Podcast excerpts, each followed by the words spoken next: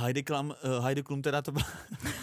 Problémy, ty cizí slovíčka. To byla ta, která měla předtím toho zpěváka. Síla. Síla. Áno, je to presne tá. A oni už tá, se rozešli, jo? táto mod... tak, áno, už dosť dávno. Tak to je síla. tak to je síla. To mi připadá sexy, že budeš macecha. Vítek, ty si to celé prekrutil. Ja chcem v živote iba Katarínu. Hledám si vibrátor. To je cieľom tohto podcastu. A někoho miluju, nevidím, neslyším, miluju ho a nezajímá mě, kolik moje. Vy můžete umřít taky, nikdo nedefinuje, kdo kdy má umřít, jo. Jasné. Mně zase připadá muž jako víc sexy a miluju. Ahojte, čaute. Ja vás vítam pri 79. epizóde vášho najobľúbenejšieho podcastu, ktorý sa volá Love is on Love is the on the air. air. Presne tak, Vítek. Dneska sa budeme baviť o vekových rozdieloch v partnerských vzťahoch. Moje meno je Nikita, ja vás tu zo srdca vítam. Moje jméno je Vítek, a.k.a. Vítězslav, jak se říká na starém kole se nejlíp jezdí a přátelé, je tady 79. epizoda. 79. to je moje nejoblíbenější sexuální poloha. Áno, tak eh, dúfam, že sa niekedy dozviem, z čoho táto poloha pozastáva, že či z jedného alebo z dvoch ľudí, alebo prípadne aj z viacerých, prípadne akého sú veku, lebo tomu sa dneska budeme ano, venovať. ano, určitě se to dozvíš, ale pouze eh, ve ver- verbální jako jaksi podobě. Neuvidíš to na vlastní v, oči. v akej inej, v akej Áno, inej. Vítek.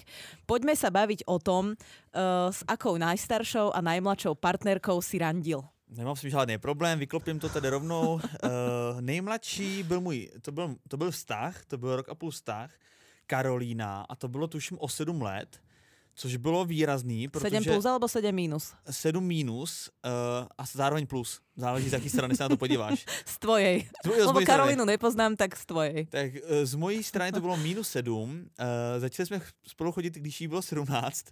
A uh, bylo tam hodně znát ten věkový rozdíl. Člověk by si řekl 7 let, co to je, ale bylo to tam jako hodně znát. Hlavně uh, v konverzacích, kde já jsem eh, kvitoval, že jsem uh, udělal nový biznis v rámci mého podnikání a ona kvitovala, že... Uh, Urobila písomku z prírodovedy. No doslova, ale fakt.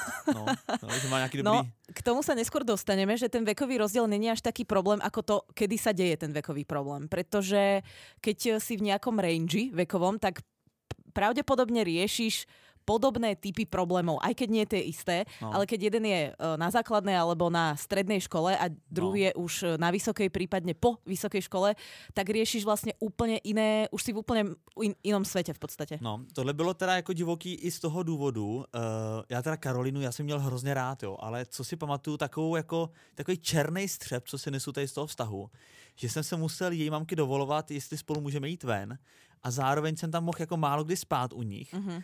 A u nich, že jo, protože ona bydlela u mamky vlastně.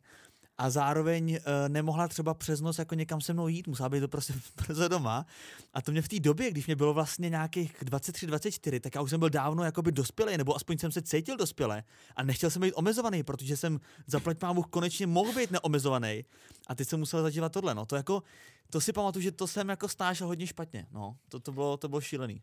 Ja inak mám takú bizarnú skúsenosť a nejedná sa o veľký vekový rozdiel, ale práve o taký, e, o taký zlom, kedy sa ti lámu tie svety, že nemusí tam byť ani... Um, ja neviem, že by to bol 7, 10, 14 rokov rozdiel. Bol to, myslím si, že 1, 2 alebo 3 roky. Úplne vlastne taký limit, že ťa to ani nenapadne počítať, alebo ťa nenapadne si to zapamätať v prípade Axia, ale v každom prípade uh, ten vzťah nebol výnimočný tým, že by tam bol veľký vekový rozdiel, ale bol výnimočný tým, že tá slečna vtedy ešte vlastne chodila do posledného ročníka na strednú školu a ja už som bola na výške, už som mala byt, už som mala auto mm-hmm. a ja som jej vlastne ráno spravila desiatu, ona chodila na strednú školu blíž, blízko vlastne mojej výšky a ja som tam stála v rade, vieš, že som vlastne odviezla a cez okno som ešte podávala tú desiatu a stojíš tam v rade s tými rodičmi a hovoríš si, není toto trochu divné? No tak to je divný. Ale tak eh, bolo to, už mala dokonca po 18 rokoch, lebo ono to tak Dokonce? niekedy vyjde,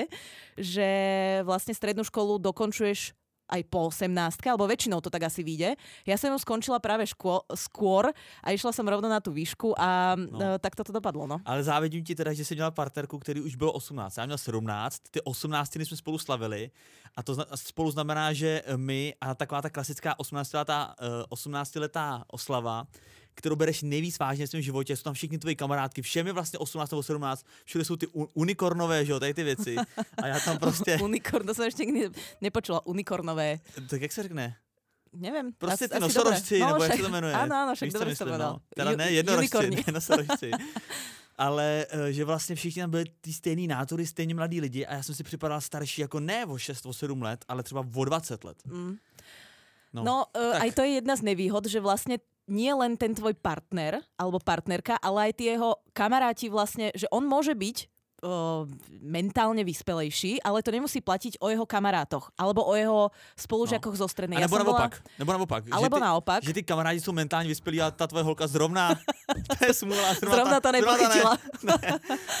No, ale chcela som ešte povedať, že tiež som mala takúto vlastne skúsenosť, e, bolo to v tom istom vzťahu, že vlastne ona išla na Stužkovú a hovorila mi, že príde po tej Stužkovej a mne to prišlo také, tak vieš, keď už si na výške, už ti to príde, Ježiš Maria, to je A ty história jsi tam házela ty koruny, ne z toho balkónu, jako Ne, správný ja som- rodič.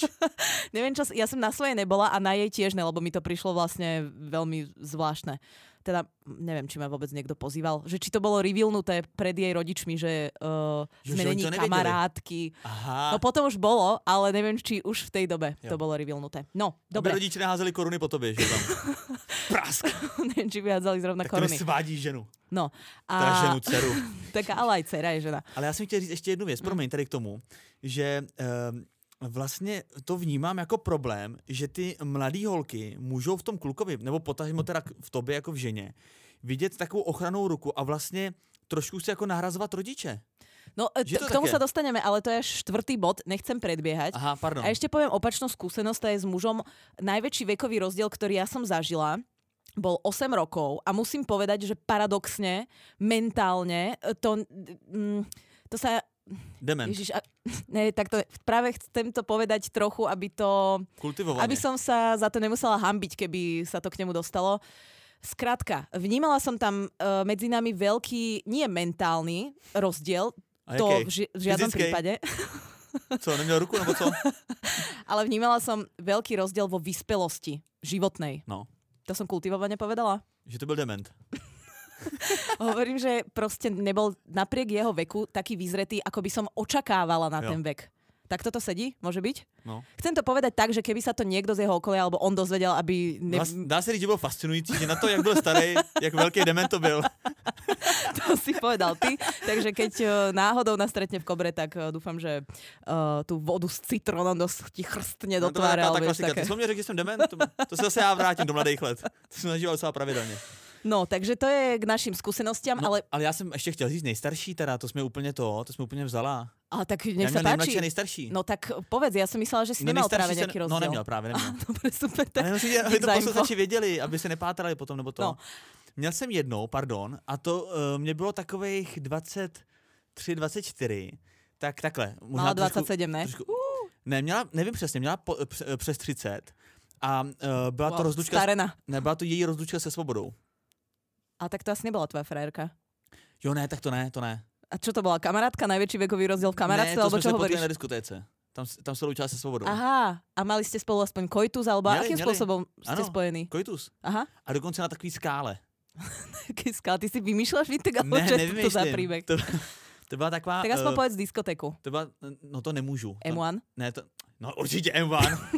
A pak jsme chodili dvě hodiny a hledali jsme skálu na, pra, na Praze 1. Tak ja neviem, či náhodou na Václavaku ten koň nestojí na nejakej skále, alebo ne, čo. Ježíš Maria, byli jsme, je, je taková diskotéka zasazená v přírodě, v lesích a o tam tu je kousek na skále a tam jsme vylezli, tam jsem se dozvěděl, V kolik... divokej šárke. Vy ste Ale- boli v Mekáči, Nikito, řeknu ti tajemství. Já jsem byl i dál než je Praha v životě. ďalej ako je divoká šárka. Ano. Wow. Na okraji, na periferii divoký šárky, kde jsou skály. Bol, si, bol si v hostivaři? No, každopádně tohle jsem zažil, to byla asi moje nejstarší, ale nezažil jsem nikdy nějakou ženu o 20 let a trošku mě to mrzí, protože kamarádi, ne na vztah, ale celkově, třeba na nějaký takzvaně úlet. Třeba, že, jakože kamarádi mi vyprávěli vlastně, že to, je, že to je nepopsatelný zážitek, že to je úplně něco jiného. Jako ten sexuální jako uh, styk s takovou ženou, Mhm, vyzrálou. Dobre. A, To už bylo moc? N- Nie, len nechcem ako keby ja hovoriť nejaké také prvoplánové Ne, vtipky taky alebo ne. niečo v tomto zmysle. No.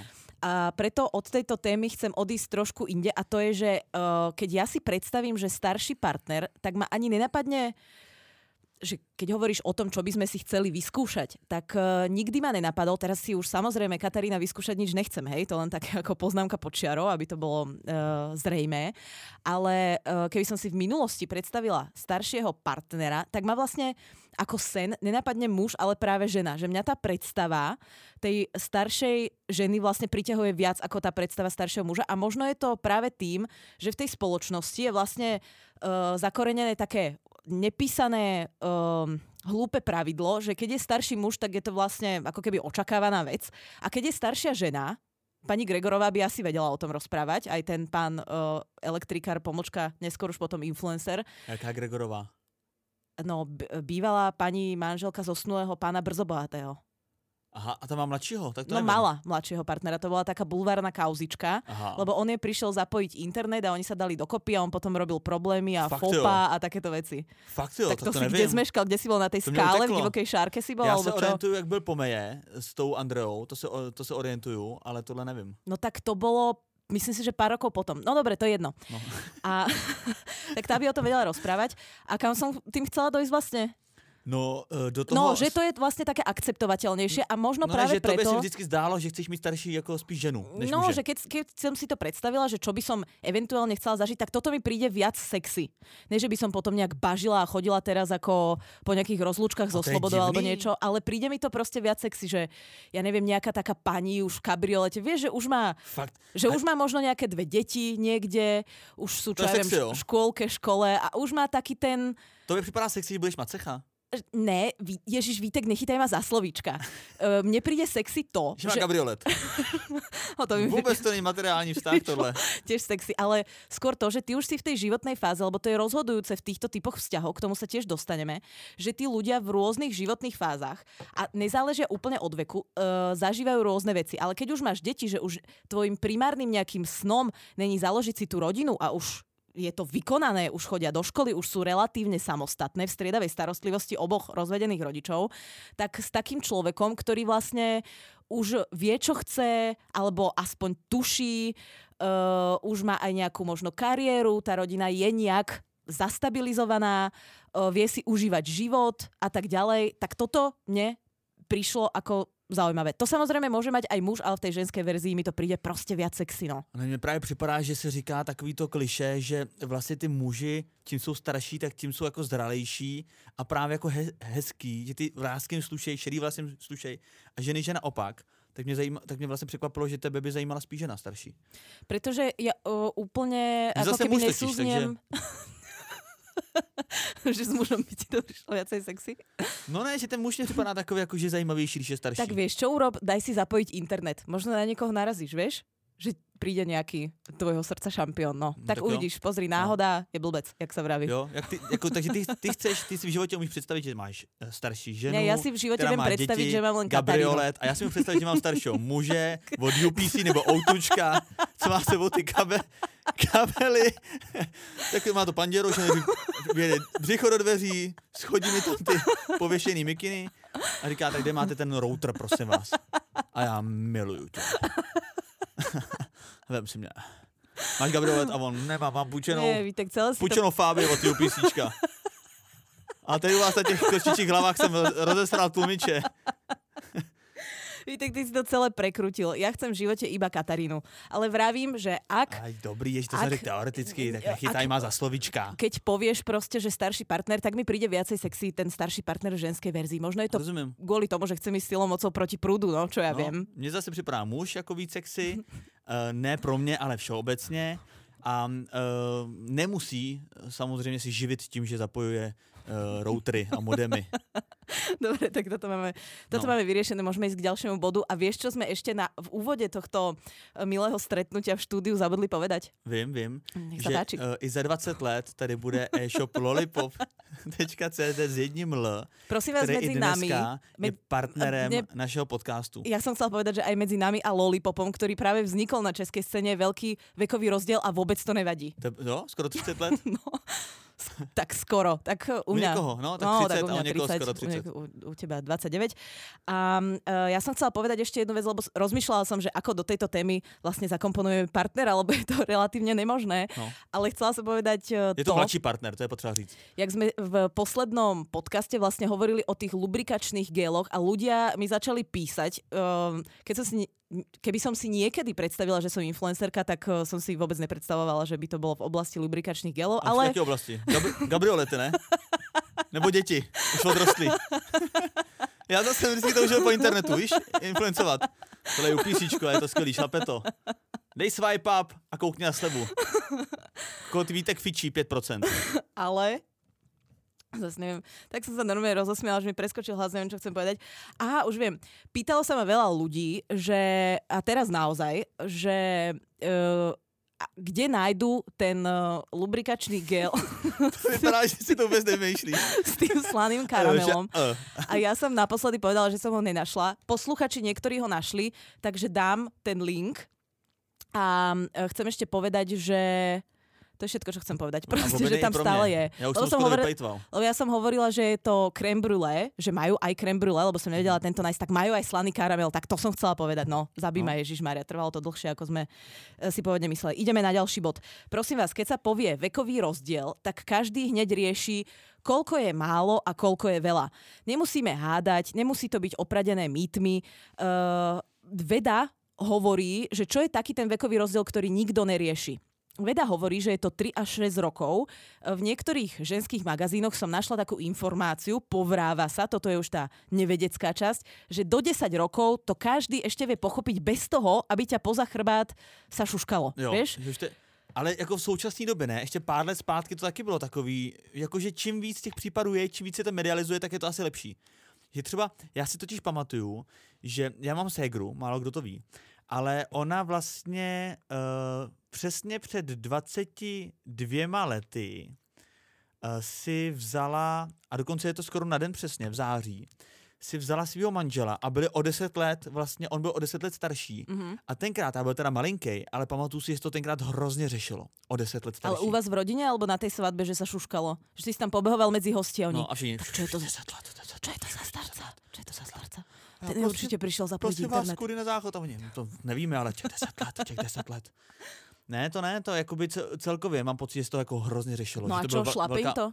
Šlape, šlape, No že to byla tak. velká překážka, no. že dneska už dôkaz. se to zlepšuje, si myslím, že třeba za dalších 20 let, už 20 let zase nebude takový velký problém, víš? No že se to dneska sa to- a více ta společnost je jako tolerantnější. Dneska sa to zlepšuje, ale aj preto, uh, keď teraz spominieme všetkých tých uh, Hughov, ktorí vlastne Playboy, ktorí majú tie mladé playmateky, lebo to nepovažujem za nejaký taký relevantný vzťah, to je No. taký mediálny vzťah, aby on dobre No. vyzeral na nejaké obálke alebo na Instagrame. Aby ona měla gabriolet. Gabriolet? No, Co chceš mít? Gabriolet, ne? No, gabriolet. A, ty, si- a prečo hovoríš Gabriolet? To je česky? to není český. Po česky sa nepovie kabrioletu Gabriolet, Vítek. Gabriolet se říká. ale No, tak záleží, jaký myslíš. Možno v Liberci sa tomu hovorí Gabriolet. No, um, e, ale sú dôkazy v e, spoločnosti, ktorú všetci poznáme, nazývame ju aj Hollywood, e, kde sú naozaj dlhoročné vzťahy, Mhm. kto- v ktorých panuje veľký vekový rozdiel. Ano, Poviem príklady tých mojich najobľúbenejších, ak Určite. chceš. určitě. Heidi Klum a Tom Kaulitz. Vieš, kto je Tom Kaulitz? Tak to samozřejmě, že vím. Tak zaspievaj. Presne tak. A on tam robil gitaristu v Tokyo Hotel. No to ne, Tom Kaulic. To byl, jo, byl Kaulic, byl vlastně zpěvák. A Tom jeho brácha, jo. Áno, presne pravdu. tak. No tak, že to je. Popr- tak na to, že si o rok mladší, mohol by si o uh, Tokyo Hotel vedieť viac. tu povypadávali, pardon, nejaké účty zo zápisníku, z ktorého to čítam. A medzi ním a Heidi Klum je, hádaj, aký rozdiel? Jo, nevím, 18 let. 16. Skoro 16. si trafil. Hm. No to už je také, že to už by sa babky na dedine otáčali a pýtali by sa, čo tento gitarista z Tokyo Hotel. No. A Heidi Klum, uh, Heidi Klum teda to. Problémy, ty Ga- cizí slovíčka. Videl si niekedy inak uh, Heidi Klum v Gabriolete? Ne, ale já se chci zeptat, jestli ona, jestli to byla ta, která měla předtím toho zpěváka. Síla. Síla. Áno, je to presne tá. A oni už tá, rozešli, jo? Táto mod- tak, áno, už dosť dávno. Tak to je síla. tak to je síla. Vidíš, tam vekový rozdiel veľký nebol a aj tak sa stalo. No ale ona se paní kvůli němu rozešla, že on měl nějaký pupínky na obličeji. Vítek, prestaň, prosím ťa. Vystrihávať si to budeš sám. Idem na ďalší slávny pár. Je to Emanuel a Bridget. Johnson? Emanuel Reddy a Bridget Johnson? To sa Emanuel a Bridget Macron. Francúzsky prezident. Macron. Jo. Francúzsky, jo. No tak to viem, to viem. Francúzsky prezident No to viem. so svojou pani Brigitou. Medzi nimi je rozdiel 25 rokov. let. 25? 25 Ja rokov. som sa psal 24. No, To Tady ten 25. pár mám taky. 25 rokov a oni sa spoznali, vieš Jak ako? jmenuje manželka? Frigida, jo? Brigita. Jo, Brigida. Pardon, mě to dneska vůbec nefunguje nějak. Ty si Ta hlava. Si pozdě večer. dispodcaster, takzvaný. No. Že ty to aj normálne vieš, ale do toho podcastu to vždycky povieš zle. Dis podcaster je dobrý. Mm, ďakujem pekne. Uh, takže 25 rokov a oni To- sa to spoznali tak, že ona, století. že ona bola jeho učiteľka. Si predstav, že ona bola 25 rokov na svete, keď on sa narodil. A tam, ste spolu, tam to spolu začali? Nas, myslím si, že ona bola jeho stredoškolská učiteľka. A tam spolu začali chodit? To už presne neviem, či to začalo hneď tam, alebo počkali, kým on uh, aspoň po tej Zajímavý. stužkovej, aby po nej nehádzali rodičia tie mince, alebo čo sa to robí na No jestli si ho stužkovej. náhodou nenašla, když už byl prezident. Ne, ne, ne, ne, ne, ne, Ne? To ne? ne, ne, ne, On bol ešte mladé ucho iba. Mhm. Uh, nádejné, ale mladé ucho. A ona byla starý ucho. No a sú samozrejme... sú samozrejme aj príklady z našej, z našho českého rybníčku. No, ty No, mám já. povedz. Můžu já taky? No, tak, nech sa páči. No, uh, já mám rád uh, hrozně moc Hanku Zagorovou a ta je o Mhm. 10 let starší než Stefan Margita. Ale čo je 10 rokov? Daj niečo lepšie. Něco lepšího? Mhm. No tak dám. Uh, Vojta Dyk uh, má Tatianu, uh, jak se No, jmenuje? a tam je 7 rokov, tak to není lepšie. Jo, já mysl, jo, lepší, já myslím, že lepší je čím menší, je tak je lepší. Nie, lepšie je čím viacej. No, tak už nic jiného nemám. Aj, tak ja mám našu obľúbenú Verešovú a Volopicha, medzi nimi je, vieš koľko? Jo, dal bych 15. 15, presne tak. Dobrý. Gratulujeme, gratulujeme, veľký potlesk. No a ešte ten najväčší rozdiel, ktorý som vlastne našla, je medzi Lucí Bílou a jej um, Radkom Filipím, medzi ktorými je Cože? 17 rokov. Aha, 17? Uh-huh. A on se jmenuje Radko Filipy? Radek Filipy, Aha, to vůbec nevím, že má Rado, Rado že má. Že Radko Filipy. že on nehovorí len ten, čo je z Lucí Bílou. No, má meno Vitek, áno, je to tak. Možno má aj Gabriolet, neviem. To už neviem, to som nedohľadala. Ale môj úplne najobľúbenejší pár, a to je dokonca rovnopohlavný pár. Takzvaný Aha. gay pár a je uh, z Hollywoodu, sú to dve ženy. Keď si pamätáš, bolo Ellen, d- Ellen dva, DeGeneres. ne, uh, dva a pol chlapa si pamätáš? Uh, pamatuju, ale A moc dvaja... ženy neregistrujú. A tí dvaja chlapi mali mamu. To měli, to měli. Ona sa volá civilne Taylor Holland. A Holland. ona má frajerku, ktorá sa volá Sarah Paulson, taká, on, ona má teraz veľa rolí v Hollywoode, také veľmi charakterové roly a hádaj, koľko je medzi nimi rozdiel. Je to veľmi krásny pár, oni majú medzi sebou naozaj krásnu uh, energiu. Dobrý, má, máš ráda, já mám to Sranda. jasný. No. no, mám ich rada, pretože mám rada aj tie herečky v ich rolách Aha. a vlastne som dlho nevedela, že sú spolu a je mi to veľmi sympatické. Tak skús typnúť. To je to najväčší vekový rozdiel, ktorý tu bol. Mhm. 60 let. Tak to myslíš vážne. No Říkáš největší, tak jsem si chtěl trošku urvat. 60 let. 60 let? Tak ale však ty vieš, že Sarah Paulson nemá 15. No ne, tak jedný může být 20 a druhý 80. Je to 32 rokov. Ale to je nuda. A tak To je dost. nuda? A 32 je dost. Tak 32 je dosť. Ona má 46. Kam se, hr- kam Sarah- se hrabe Emanuela Frigida. Sarah má 46 a Taylor má už 78. Ale No. keby si ich videl na tých videách, oni sú... Vidíte, to je takových čísel, že podle mě ty posluchači budou mít hlavu jak pátrací balon. Prosím vás, jestli to máte dost, dejte si na konec. chviličku pauzu a podívejte se na Lollipop, ať si trošku uklidníte. tak, eh, nebo naopak ještě více rozvrkočíte. Já chci říct takovou zajímavou věc. Um, v vědci z Atlanty v rámci jedné eh, studie na určitý uh, soukromý univerzitě, tak eh, vybrali tři tisíce manželských párů z Ameriky, z USA. Jo. A na základě tohoto vzorku oni odhalili, že čím větší je věkový rozdíl mezi partnerama, tak tím společný soužití eh, tím spíš jakoby nevydrží. Áno, Říkám to srozumitelně? áno, áno. No, představ si, jo. Divím sa, ale zatiaľ to sedí. No, představ si, že manželé, který od sebe dělí pět let, tak to, že se rozejdou, je šance o 18% větší než u stejně starých partnerů. Mhm. To ještě nic není. 18%. Co to je, že jo? Pozor. U desetiletého rozdílu se ten poměr, nebo ta, to procentuální číslo zvyšuje na 39%. Mhm. A pozor, teď se A to podrž. už je signifikantné. Nevím, co to znamená, ale uh, smrdí to průserem. A pozor, manželství, manželství s 20-letou uh, propastí, tak uh, u nich je 95% pravděpodobnost, mm-hmm. že se rozejdou. Lidi, kteří mají mezi sebou 20 let a víc. Tak chvála Bohu, že Taylor Roland a Sarah Paulson nejsú zobraté, lebo inak by platila na nich aj táto štatistika. Tak to je už, keď som povedala pri tých 39, že signifikantné, tak toto je tak mením to, ruším to, toto je signifikantné. A co to znamená signifikantné? No, že to už ozaj zaváži. Mm-hmm. tak to som tak sa to... říkají, že to ozaj zaváží, ne? To není tak dlouhý, ne? Aby si to zkracovala signifikantním. no ale tak znie to lepšie, ne? Niečo si sa naučil. Mně se líbí, že něco zaváží. No tak vidíš, je to no. signifikantné a zároveň to zaváži.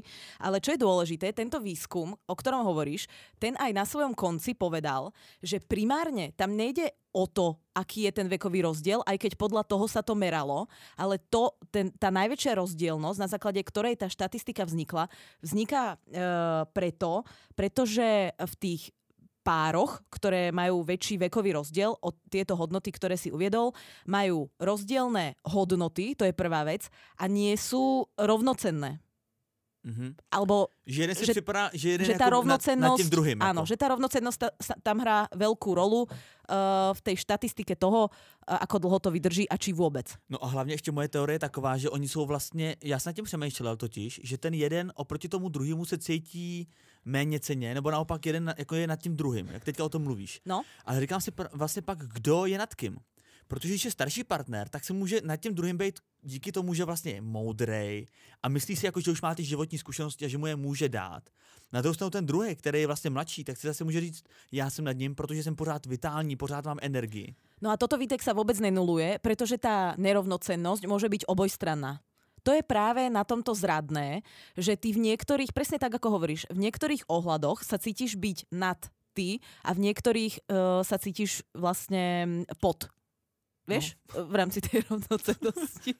tak snažila som sa ti to teraz vysvetliť Určite. tak, aby sme sa nemuseli dohadovať o nejakých no, odborných no, názvoch. takový dement ako tvoj bývalý přítel nejsem, že bych nepochopil, že niekto je nad a niekto pod. Nehovor, že to je dement, ja som to povedala úplne inak. No ty jo? Ja, ja som ne, povedala, ja že, necituju, ja som povedala, že navzdory očakávaniam nebol až taký zrelý. To som povedala. No dobře, tak bych tohle, tohle hrozně dlouhá věta, já tomu říkám dement, no. Signifikantní dement. Ale no. já chci říct to, že já si umím představit, že právě obě dvě ty strany z tohle toho můžou krásně vytěžit. Víš, že ty načerpáš ty vědomosti a zkušenosti a zároveň tomu partneru dáš tu vitalitu, že z vás se vlastně stane úplně skvělý kombo těch lidí. No určite, ale ja si myslím, že z vás sa môže stať skvelé kombo, aj keď nemáte ten vekový rozdiel. Že to vlastne není ani plus, ani mínus. Je to proste nejaký atribút, s ktorým ty musíš pracovať, musíš ho brať v podtas, musíš o týchto uh, rizikách ako keby vedieť a keď ich potom zahrnieš do nejakej vzájomnej komunikácie alebo aj do toho tvojho premýšľania, tak uh, je to vlastne jedno, pretože tie páry, ktoré sú v rovnakom veku, tak tie možno nemajú tie výhody, ku ktorým sa dostaneme, ale zase ani nemusia pracovať s tými nevýhodami. Takže chápeš, jedna jedna. Len musíš brať ohľad e, na tie skutočnosti, v ktoré v tom tvojom vzťahu sú, na to špecifikum tvojho partnera, či je o 5, o 10 alebo o 32 no. rokov starší. No. no a já se vlastně všeobecně tady těch vztahů vlastně bojím z toho důvodu, že, se, že mám ten mindrák z té komunikace společný. Že se prostě... Že, že čo, on ti bude písať na papíru z nějaké Ale ne, ale že jste, že jste se nepotkali, vlastně nevyrostli jste ve stejné době. Tím pádem spoustu témat nedokážete společně sdílet a pak se to míjí v tom, že poholka ještě studuje, ty už máš dávno nějaký podnikání a máte každý, každý úplně jiný problémy a vlastně se v tom jako nedokážete úplně pochopit a dostat na stejnou vlnu. Ale ja si nemyslím, že partnerská komunikácia pardon, musí to... byť len ohľadom problémov. No a to jsem měl, no to samozřejmě, že ne, ale to jsem měl ještě vlastně jenom sedmiletý rozdíl. Kdybych měl někoho o 20 let, tak tyjo, to mě připadá těžko, fakt těžko ukočírovat. No ale k tomu sa chcem presne dostať, že ono je to problém, keď si predstavíš, že máš 15 a niekto má 35, vtedy naozaj úplne iný svet. No, ale keď tak ty to máš... hlavne problém pro nej. No, a 15 už je áno, ale hovorím to ako e, príklad. Ale keď už ty si v staršom veku a ten človek, starší, mladší, je tiež v nejakom tom range, uh, lebo tá dospelosť má určité hranice. Není až mhm. taký veľký problém, dospelosť sa ráta od 18 alebo 20 rokov do 60. Ak je to v tomto range... A co to je po 60? To... Neviem. Dítě zpátky, nebo co? Nad dospelosť. Asi staroba, nie? Vítek? Staroba, aha. No. A uh, tá dospelosť sa ešte rozdeľuje na tri kategórie. Je mladšia, uh, stredná a staršia zrelosť. Aha. A keď sa ty nachádzaš v týchto ako keby troch podkategóriách v jednej z nich, tak to až taký veľký problém není. Ak už si cez kategóriu, tak už uh, tam práve sú tie iné svety. Tak musíš proste brať na to ohľad. Ale zase je dobrý, že když se potká někdo, komu je 15 a někdo, komu je 70, tak jsou mimo ten prostředek vlastně a měli by si teoreticky rozumět.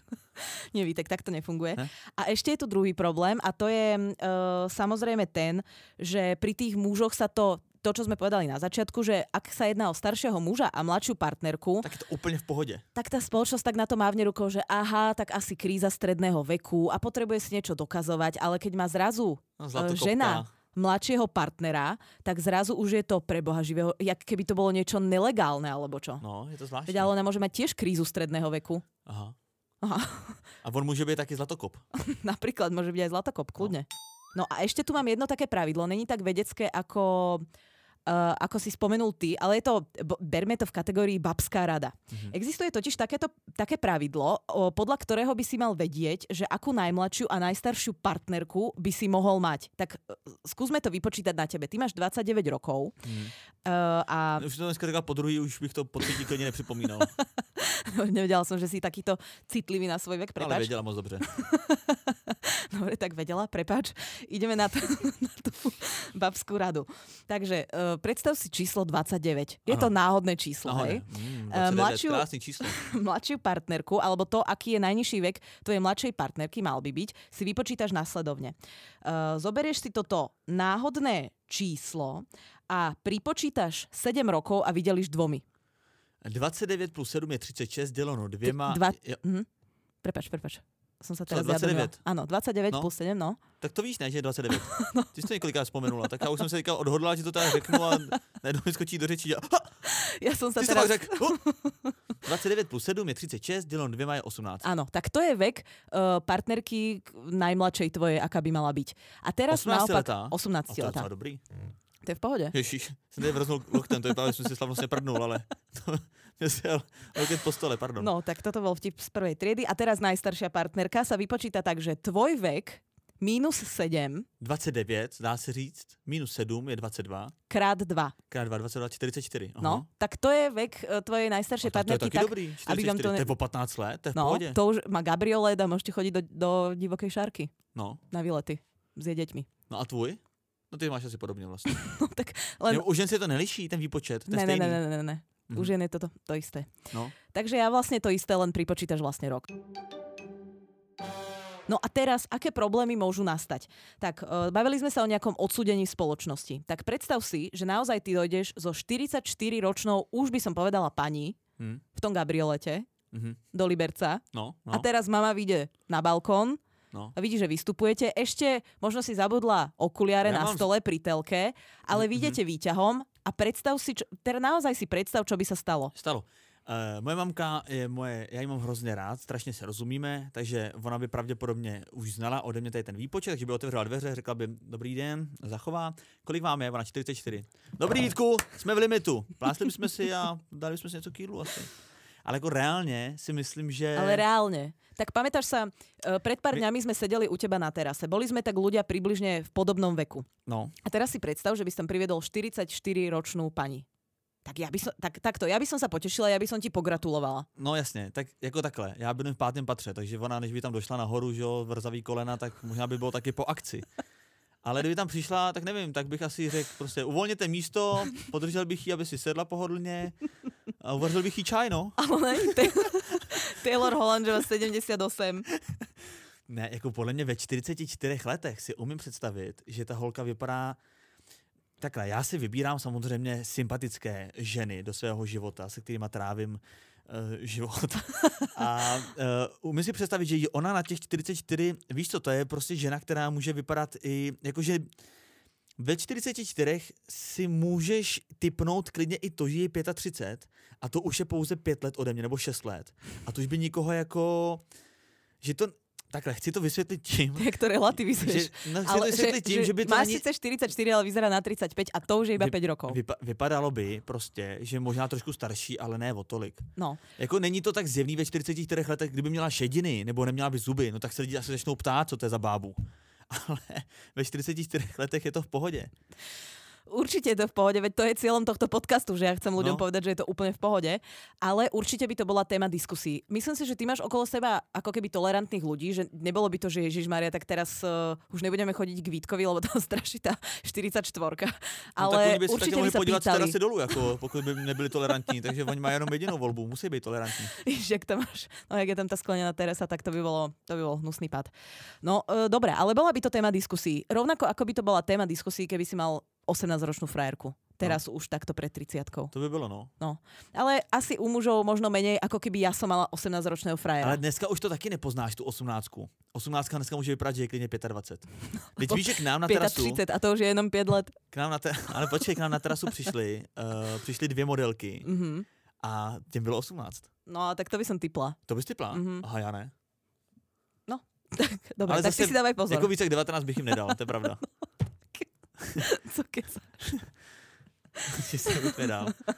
Takže by si typol vlastne iba jedine Já 17 jsem alebo přál, 18. tohle to byl čistý egoismus. Já jsem si přál někdy v životě říct, že ke mně Že- na terasu přišly modelky. Os, dve 18-ročné modelky. Treba aj dodať, že dlho nepobudli. To je pravda. Ale prečo, Vítek? Pretože my sme sa bavili o hypotékách, o investovaní, Ne, o sakách tím to na mieru, o rasizme, o politickej korektnosti. tím to nebylo. A oni, keď som sa náhodou uvoľnila z tej debaty, tak vlastne pochválili podcast. Nebolo to tým? A čím to bolo? Uh, bylo to tím, že oni už museli domů. No nič, určite počúvajú, takže ja ich pozdravujem. Ale veď to není Ale zlé, ne. veď ja chápem, že oni majú iné ako tematické okruhy. Barbora uh, a Anička, je taky pozdravuju.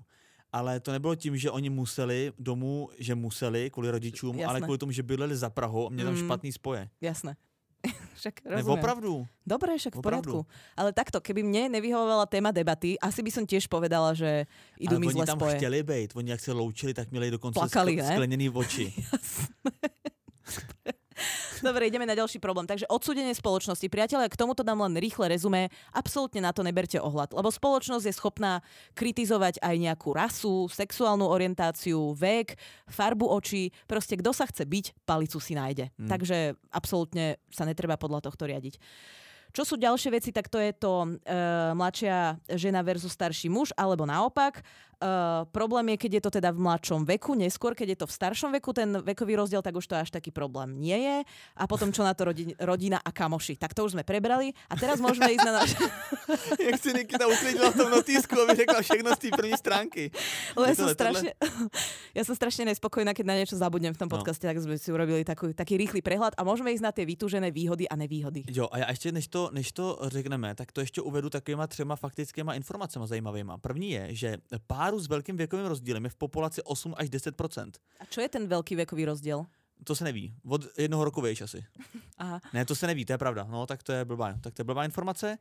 Uh, druhá věc je, že aby manželství uzavřela zhruba stejně stará dvojice, tak to se ve společnosti objevilo, představ si, až ve druhé polovině posledního století, A vieš prečo? minulýho. Jako. Vieš prečo? Nevím. No tak preto, že dovtedy tie uh, manželstvá boli väčšinou ako keby arranged, akože na, na, na dohodnuté, nastrojené, dohodnuté. Dohodnuté. Takže uh, to je, predpokladám, ten dôvod, že takého, akého ti rodičia vybrali, tak nemal si na výber a už si iba naklusal goltáru a povedal yes sir. No, ale podle mě i ten důvod, my jsme se o tom jednou už bavili v nějakém historickém okýnku našeho podcastu, že vlastně chlapi museli mít vystudováno, našetřeno, mít už nějaký majetek, nějakou práci a až ten moment mohli zaopatřit vlastně nevěstu, ale nevěsta zase nemohla být moc stará. Že tu zase rodiče hnali už ve 20 k oltáři. Áno, je Že to vlastne- tak, ale zase nie vo, že vo všetkých spoločenských vrstvách. No a že proto tam byly ty rozdíly, že ten chlap vlastně, aby vybudoval nějaký majetek nebo vystudoval, tak mu musel být chtě nechtě 30-40. Tak lebo dovtedy ho nechceš vyrušovať z koncentrácie, keď študuje alebo akurát Ne, já začína vím, ten ale že tam automaticky teda vznikal 15-20 Áno, jako let rozdíl úplně normálně a vlastně se nemohli ty lidi potkat na ve věku. No, neviem, či to bolo 15 až 20 a nie vo všetkých sociálnych vrstvách, ale áno, máš pravdu. Prečo sa pozeráš na dvere? E, niekto nám vnikol do kancelárie, mám Ne, sa otáčať, ne, alebo... pohode, Dobre, nedívam sa lebo na ja mám taký ghost potom feeling. Ne? No a e, čo ale hovorí veda, že teda není problém vekový rozdiel, tak čo je problém, je motivácia, prečo vstupuješ do vzťahu s veľkým vekovým rozdielom. No. Pretože tých motivácií je viacero. Povieme si. Tiež to mám zapísané v La- notísku. Láska ne, prostě láska. Někoho miluju, nevidím, neslyším, miluju ho a nezajímá mě, kolik mu je. Áno, láska, mám tu aj takú poznámku, láska je láska. Uh, niekedy Jo, sa tak to je proste... To je odkaz na tu Lucku Bílou. A na Pietro Filipy, nebo jak se jmenuje ten přítel. Pietro Filipy. Volá sa Radek Filipy. Takže ten nemá ty to oblečení. ne. Zaplať pámu, oni skrachovali. Ja viem, no. A že vraj existuje nejaký obchod, kde teraz si môžeš za, za levno, jak by No, povedal Čech, uh, si nakúpiť vlastne tie víš, jak se jmenuje ten obchod? drahšie košele. Second hand. Ne, oni urobili taký obchod Aha. niekde, kde vlastne si môžeš tie produkty kúpiť, lebo spoločnosť je už v likvidácii. Aha. Ak chceš se vedieť, čo je to likvidácia, ak chceš vedieť, čo je to likvidácia, tak uh, o tom není dnešný podcast, to si povieme potom. Dobře. Ale teda k tým motiváciám. Samozrejme tou najčistejšou, najkrajšou je, že proste zamiluješ sa a neriešiš, koľko má ten človek rokov. Přesně. Toto samozrejme má tiež svoje limity, ale potom sú aj iné motivácie. Chceš si nahradiť rodiča. Lebo buď si niekedy nemal rodiča, alebo sa k tebe nes- nesprával podľa tvojich predstav, alebo ti napríklad zomrel a ty podvedome začínaš hľadať tú No ale, no právě, to, autoritu, oporu, bezpečie v niekom no inom. to právě chci říct, ale že to je podvědomí tohle nastavení, ne? To, to si přece nerozhodneš ty. Já potřebuji, chybí mi táta, potřebuji staršího partnera. No ne, ale keď už o tom vieš, keď ti to niekto povie napríklad takto v podcaste, už s tým vieš začať vedome pracovať. Jo, jo, to sú tie rozumím. dôvody, prečo tu tie poznámky mám a prečo to hovorím nahlas. A umím si představit, že to je i naopak, že vlastně zase ta žena může jako symbolizovat tvoji matku. V Tá těch žena- očích, jako. Akože tá 40 roč, 4 ročná v kabriolete? Že by symbolizovala moju matku? čtyřročná. 44 ročná v kabriolete? No, třeba. No ako teoreticky môže, no. Tak keď to takto aplikujeme na heterosexuálne vzťahy, tak samozrejme to platí pre všetky vzťahy. Ako, uh, No ne, že si len, ma len som sa trochu zhá, zháčila, lebo si neviem predstaviť, že by to tak bolo v mojom prípade, lebo ja matku mám, je normálne zdravá, živá, takže ja si nepotrebujem nič No, ale já nahrázať. si nemyslím, že ten rodič musí jenom umřít. Já si myslím, že Jasné. se k tobě nemusel chovat dobře v životě. Ale ja som ok. Ok som s mamou, hej? já, a já neříkám tobě, jako všeobecně.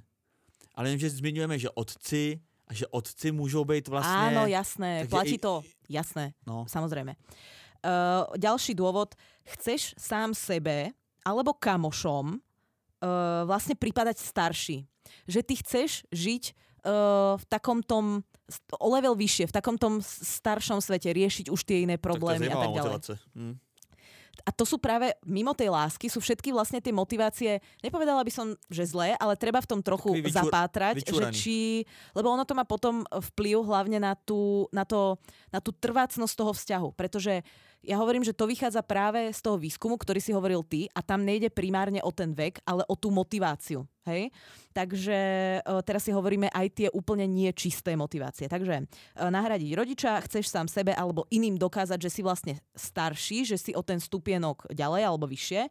A potom chceš e, žiť na inej úrovni. Aj v zmysle toho, aké veci riešiš, akými vecami sa zaoberáš, ale platí to samozrejme aj na majetkovú alebo takú finančnú úroveň, proste celkovo, životnú mm-hmm. úroveň ako takú. Mhm. Tak to je samozrejme tiež jeden z dôvodov, ale nie je úplne správny a nie úplne dobre vplýva na trvácnosť vzťahu. No a e, keď si hľadáš naopak mladšieho partnera alebo partnerku, môže to súvisieť uh, s krízou stredného veku, v ktorej sa sám sebe, seba pýtaš, dosiahol som všetko, čo som v tom svojom živote mal už dosiahnuť do tohto veku. Nechcem si ešte niekedy vyskúšať, lebo máš taký pocit, že to je tvoja posledná šanca. Jo. Ešte v takej tej plnej vitalite. Ako Tak to keby. je ten moment, kdy ta druhá míza, ne? Kdy vlastně ty chlapy Mm. vlastně utíkají od manželek, se kterými jsou 20 let za nějakou mladší. No a to uh, považujeme, alebo Ježiš. považujeme my vedci aj túto s kolegami z tohto inštitútu za negatívnu motiváciu. Prečo vstupovať do vzťahu Jo, já s väčším vekovým zažil, rozdielom? jednou jsem byl svědkem tohohle toho v mém blízkém okolí a to bylo hrozný. Že se pár vlastně rozpadnul po 25, možná 30 letech kvůli té druhé míze toho, toho muže a to, to bylo, A potom sú často Fuj. lutovačky, lebo ty z toho vytriezvieš a bolo zistíš, že no jasně. toto som úplne nepotreboval zažiť, No ale a už sa třeba nedá trvalo, vrátiť. No to třeba trvalo rok a ty si za to ztratil tu ženu, se kterou si měl 30 letou oporu. Tak teraz už k tým výhodám a nevýhodám. To viem, že máš pripravené perfektne, precízne, tak poď na to. Výhody a nevýhody. tak, ty mám připravený a je prolítnu jenom. Uh, výhody a nevýhody. Tak, co máš ty?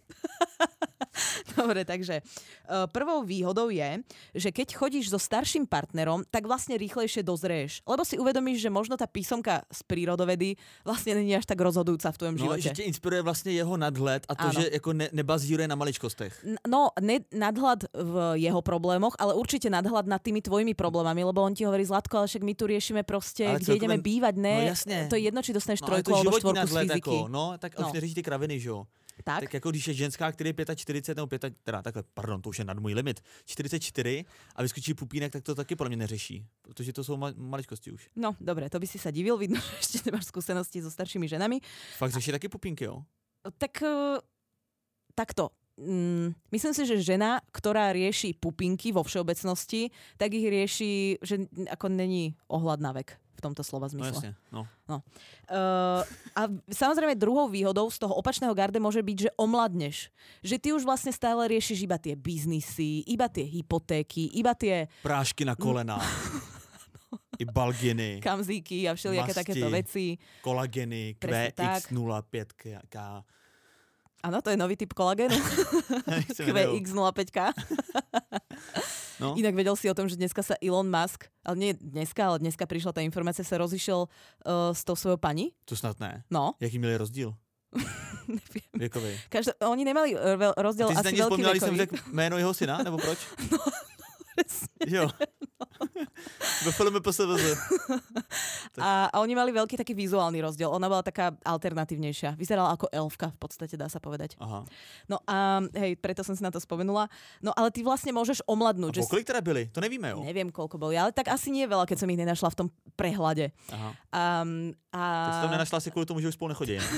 tak ale to je No informácia ty si dneška. jako páry, který spolu už nejsou, jaký mají věkový rozdíl. To nedává smysl, ne? Tak ale mohol si ho mať aj v minulosti, ten vekový rozdiel sa nemení. Ako Aha. ty starneš, ale aj tá tvoja frajerka starne, to Dobře, vieš, ale ne? který dement by napsal článek o tom, že páry, který spolu už nejsou a jaký měli věkový No rozdíl. a preto sa v tom prehľade neobjavili, Vítek. K čomu Mimochodem, sa chcem... počkej, jak jsem řekl ten kolagen? To je neviem, to jméno, QX05, tak to jsem se skoro trefil. To jméno je XAEA pomlčka 12. tak skoro si sa trafil. Ale že vlastne v opačnom garde vlastne omladneš. Že si hovoríš, Dobre, áno, sú tu tie dôležité veci, e, treba uh, sa aj starať o deti, treba niekam chodiť na dovolenky, platiť hypotéku, ale prečo A niekam... pozor, 19 let mají. No, 19 tak- let, tak to je brutál. Tak to už sú v tých Tak to je hodně. 39%, ne? No 19 let? No, No, tak to je dost. tak nie sa čomu čudovať. Uh, už môžem dokončiť myšlienku, Vitek? Jo, promiň, já jsem tohle potřeboval jenom vědět. Omlouvám se, to Um, profesionálne. no a vlastne, že omladneš. Že ona napríklad si povie, a neskočíme na víkend niekam? Alebo ja som to teraz videla napríklad na dovolenke, keď uh, sme sa dohadovali na výletoch a Katarína mala predstavu, že každý druhý deň budeme chodiť na výlety. A ja, ale tak čo som na nejakom svat bootcampe, alebo uh, môžem si tu aj niekedy oddychnúť. Tak potom sme nakoniec zvolili model 2 dní na pláži, jeden deň na výlete. A ja som sa vždycky ten deň po výlete vlastne spametávala z toho, že ty o 6 ráno odchádzaš na nejakú sopku, vraciaš sa o pol 11, ešte No. auto nemáš vrátené v požičovni a vlastne dojdeš a ten druhý deň už to treba plánovať. To tiež na ostrove, ktorý... To je dovolená. No. No tak ja som bola pol dňa vo kolik máte, kolik máte rozdíl? Uh, 3 roky. Ešte sme v tom, dokonca v tom range tých 3 až 6, čo by malo byť v pohode. Ale Mm. vidíš, no, už tam narážame na nejaké. Ale tak omladla som. Hej, že boli sme na veľa výletoch, veľa dobrodružstva a tak ďalej. No. no. Uh, ďalšie výhody, keďže tvoj zoznam sme už prešli, bol teda ja vyčerpávajúci, další, ja ale další. uh, dáme ešte ďalšie. Ženy na 40 let vědí, co chtějí. No, Mm. tak koukáš. No, to je výhoda. To je výhoda, no. Ja tu mám, že iný pohľad na svet. Tak No, to je v podstate to no isté. jasně, vědí, co chtějí. No. Uh, môže sa stať teda aj, že nevedia. Lebo niektorí ľudia to celý život napríklad nevedia. A niektorí Mm. ľudia to celý život zase Tak to je vedia. super. No, tak to je výborný. Takže vlastně nevíme nic. Ale to, čo určite platí, je, že máš iný pohľad na svet. Už si to toho niečo preskákal, dá Mhm. sa povedať. No, Uh, už uh, možno aj nejaký rozvod tam bol, možno aj nejaké tragédie, alebo aj veľmi šťastné momenty. Proste už pár tých sinusoid no. Tak to prešlo. je furt stejně jak ten bod jedna, ne? Jsi vyzrálej prostě a neříš jako malichernosti. A tretí bod, môžeš sa veľa naučiť. Ale to platí vlastne uh, z oboch strán, pretože ty si vlastne môžeš pripomenúť tie veci, ktoré sú možno dôležité pre život, ale už si na nimi mávol rukou, že si povieš, už som starý na tieto veci a tak ďalej, ale možno by si chcel stále občas vybehnúť na nejakú diskotéku.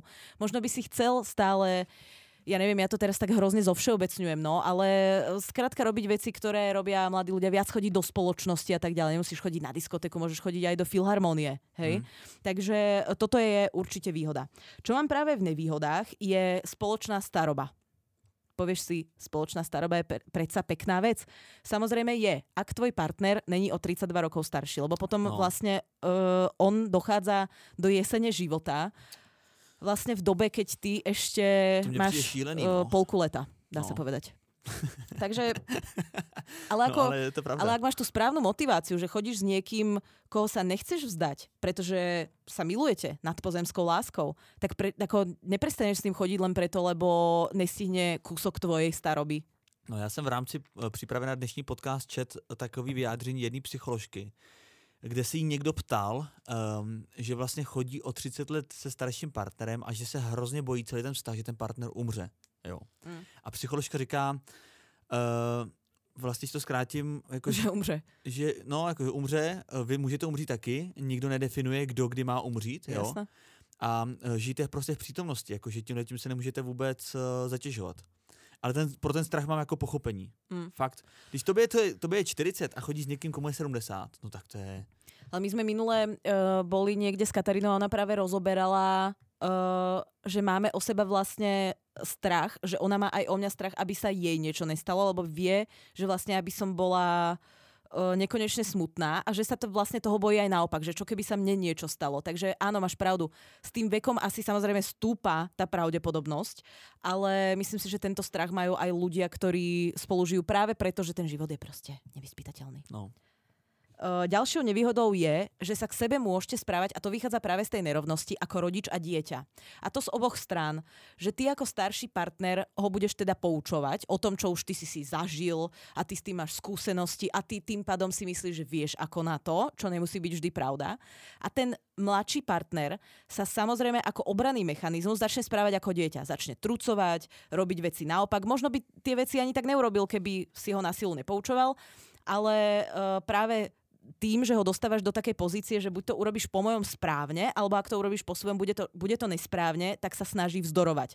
A to je uh, nebezpečné aj v, rodičovsko, uh, v rodičovských vzťahoch alebo vo vzťahoch rodiča s dieťaťom, ale v partnerských vzťahoch to proste nemá svoje miesto absolútne, pretože z toho sa nedá uh, nejak uh, dôstojne vlastne vykorčulovať. To je iba problém. To, z toho nevyplýva vlastne žiadne pozitívum. Mm-hmm. No a samozrejme môže z toho vyplývať aj nejaká uh, finančná nevyrovnanosť. Nie každému to musí vadiť alebo vadí, ale určite je to samozrejme vec, vec na diskusiu, pretože ty máš možno predstavu, že chceš ísť na nejaký road trip stopovať za 200 eur po celej Európe na mesiac a pol a on má teraz pocit, že za 1500 eur chce ísť do all-inclusive rezortu do Turecka. A tie predstavy sa vlastne úplne míňajú ako vo všeobecnosti, ale aj hlavne tým, koľko peňazí chceš uh, za to vyplatiť no. cestovnej kancelárii alebo vôbec na ten výlet. Nevedela som si spomenúť na ten správny termín. A uh, potom už vlastne vznikajú diskusie, no, kam sa teda ide na dovolenku, alebo každý osve. Vieš, mm. že každý má vlastne inú úroveň, aj kam ideš do reštaurácie.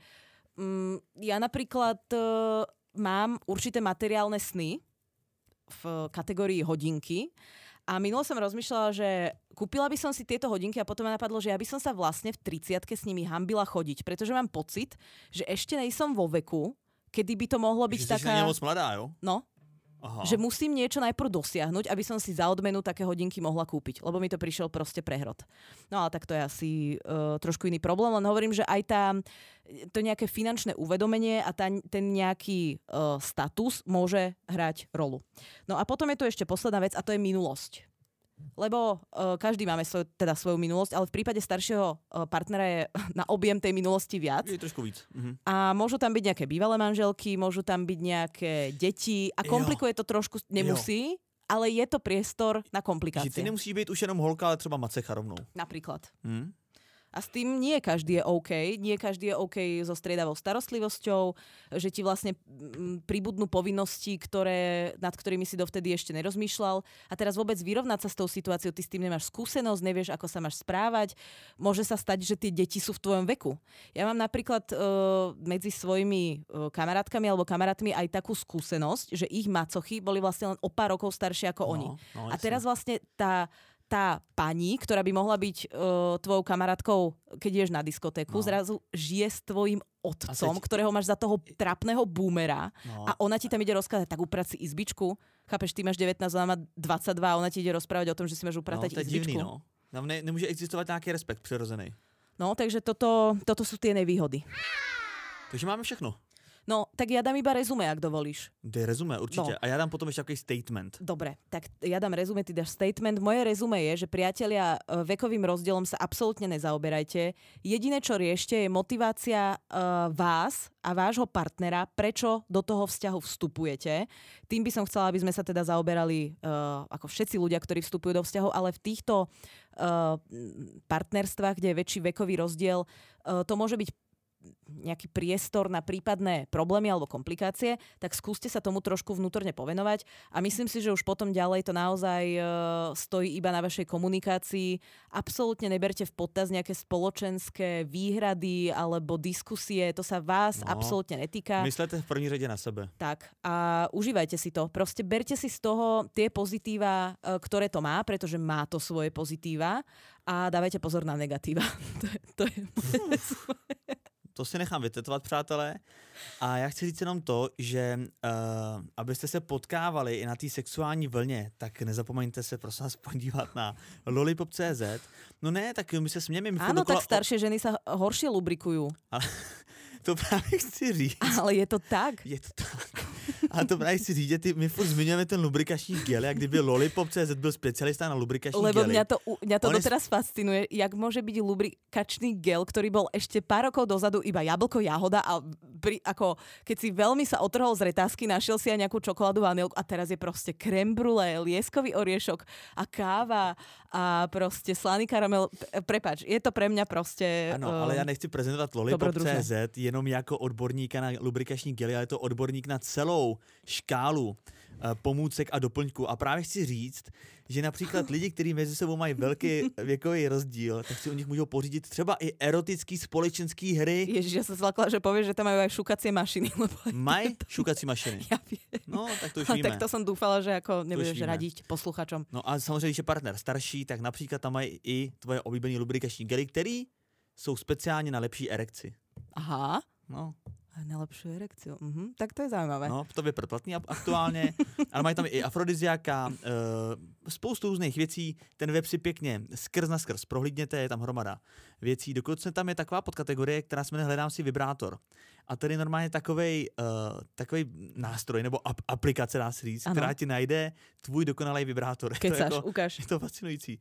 Ne, normálně jste dílku od centimetru do 45 cm. Aj farbu si to velikosti vybrať. SML. No prostě si uděláš custom vlastní vibrátor, tady si nadizajnuješ, jakou chceš cenu, barvu a teď ti vyskočí tvůj ideální uh, brouček, který si koupíš. No, tak tak- není to úplně custom, jako vybírá se z nějakého sortimentu, ale můžeš si najít realistický nebo pevný, dildo či G-bodový, anální či hlavicový, sací, partnerský anebo klitorisový. Přátelé, vybere si každý a to možná stačí uh, pro klienta uh, našeho oblíbeného lollipop.cz. Sdílejte nás všude, kde to jde. Followujte nás. Live on the air, potržítko podcast, Refresher.cz, jsem vítěz a Nikita.xyz. A přátelé, ve čtvrtek si poprosíme příběhy. No, to som chcela povedať, Ježiš, ja som mala normálne teraz taký vnútorný strach, že sme na to zabudli, lebo pri tom prvom poprestávkovom diele sme e, zabudli a museli sme doslova žobroniť na Instagrame. Priatelia, posielajte nám vaše príbehy, e, trapné alebo aj smiešné, prípadne poučné, alebo aj žiadosti do poradne. E, čo s vekovým rozdielom, budeme sa na ne e, veľmi tešiť. A to je od nás pre vás a pre dnešok všetko. My sa s vami lúčime. Moje meno je Nikita. Moje jméno je Vítek, a.k.a. Auf Wiedersehen.